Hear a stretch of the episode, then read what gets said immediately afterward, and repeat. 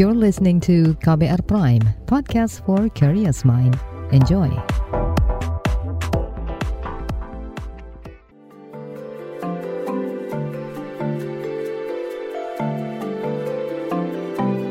Saga, cerita tentang nama, peristiwa, dan fakta.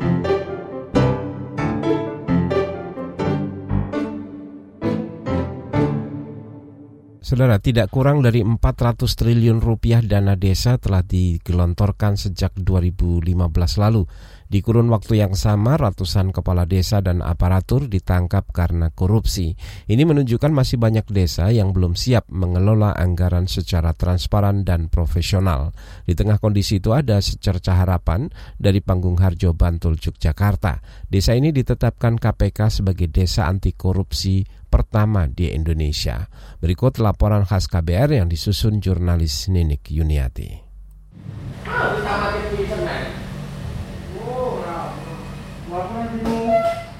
Jumat siang di kantor Kelurahan Panggung Harjo, Bantul, Yogyakarta, beberapa warga datang membawa berkas untuk mengurus keperluan.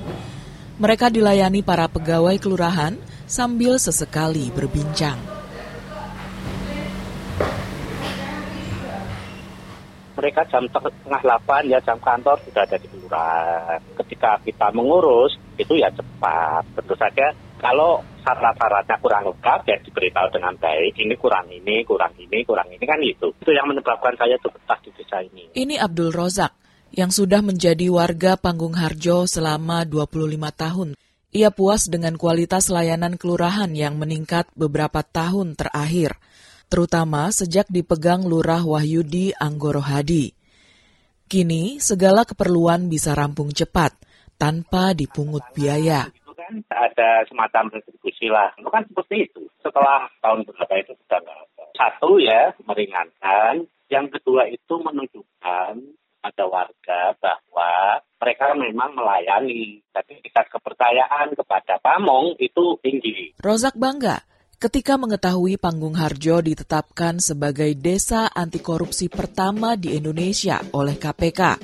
Pemberian penghargaan digelar pada 1 Desember 2021 di Kampung Matraman, Panggung Harjo. Selamat kepada Desa Panggung Harjo. Ke depan desa lainnya akan menyusul. Bagi Yuli Trisniati, Sekretaris Desa Panggung Harjo, penghargaan ini adalah pengakuan bahwa mereka berjalan di jalur yang tepat. Anti korupsi itu kan e, mendidik kita biar kita itu nggak menyimpang menyalahgunakan penggunaan dana dan lain sebagainya karena itu memang sudah menjadi tanggung jawab kami. Yuli menjabat sekdes sejak 2003 silam. Ia mengalami beberapa pergantian lurah. Berikut kebijakannya.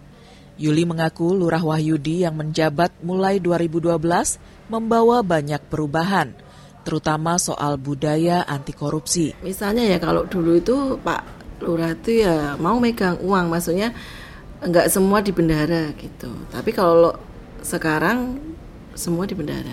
Aturan yang benar yang megang uang itu bendara. Cash tunai, misalnya 20 juta itu tunai gitu ya yang megang bendara. Tapi kalau dulu memang aturannya juga belum terlalu itu ya ketat seperti sekarang. Jadi dulu ya. Oleh KPK, Panggung Harjo dinilai istimewa dari lima parameter yang ditetapkan, yakni tata kelembagaan, pengawasan, layanan publik, partisipasi masyarakat, dan nilai-nilai yang mendukung budaya anti korupsi. Ya, ada website, ada Facebook, ada apa nama di situ gitu ya. Secara itu masyarakat ngontrol. Tapi selama ini belum ada masyarakat yang komplain. Kesiapan Panggung Harjo menerapkan birokrasi modern dan profesional terlihat saat kontestasi pemilihan kepala desa 2012. Saat itu Wahyudi meraup lebih dari 40 persen suara dan mengalahkan tiga kandidat lain tanpa politik uang. Jadi secara tegas dan terbuka kita sampaikan bahwa saya akan melakukan perlawanan terhadap siapa pun yang menggunakan kekuatan-kekuatan uang untuk memenangkan kontestasi pemilihan kepala desa ini. Yang kita lawan adalah perilaku politik yang ditunjukkan oleh mayoritas masyarakat yang sangat afirmatif terhadap uh, politik uang atau penggunaan uang. Berbekal mandat dari rakyat, alumni farmasi UGM ini mulai membenahi birokrasi dan memperluas dimensi layanan publik. Ini dilakukan dengan membentuk 11 lembaga yang dikelola oleh warga. Salah satunya Lembaga Pengelola Sistem Informasi Desa. Lembaga desa itu mengurusi warga desa. Artinya hari ini gitu kita paling hanya ngelola kurang lebih sekitar 45 persen saja dari total anggaran. 55 persen itu dilakukan sendiri oleh warga desa. Ini kira-kira gambaran bagaimana kemudian desa itu menjadi arena demokratisasi politik lokal di mana warga desa itu berkesempatan secara langsung untuk menentukan arah kebijakan pembangunan desa. Tidak lagi open government, tapi nud, apa, telanjang. Tidak hanya terbuka tapi telanjang, karena semuanya diserahkan gitu kan. Yes kelola sehingga akses terhadap data keuangan yang mereka punya akses full gitu tanpa tanpa harus melewati pemerintah desa tanpa harus ada menetapkan syarat dan ketentuan macam-macam itu kan semua. skema kolaboratif bisa berjalan lancar jika warga percaya dengan pemerintah desanya bagaimana caranya agar 40 perangkat desa dengan kapasitas yang sangat terbatas itu mampu mengatur 28 ribu jiwa yang jauh lebih pintar jauh lebih kaya itu hanya ketika yang 40 orang itu dipercaya oleh yang 28 ribu jiwa. Selain itu tidak ada cara lain. Publik secara luas juga bisa mengetahui sepak terjang panggung Harjo. Tak kurang dari 300 kajian ilmiah yang mengupasnya, mulai dari jurnal hingga disertasi.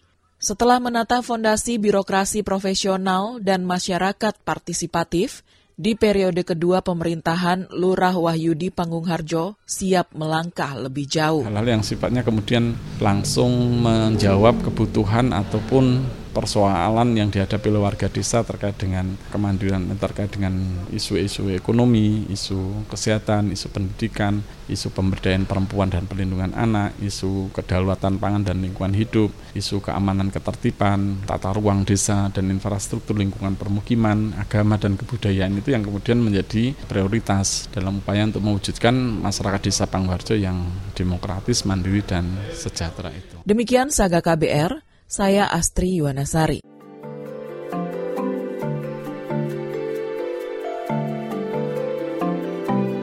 Saga, cerita tentang nama, peristiwa, dan fakta.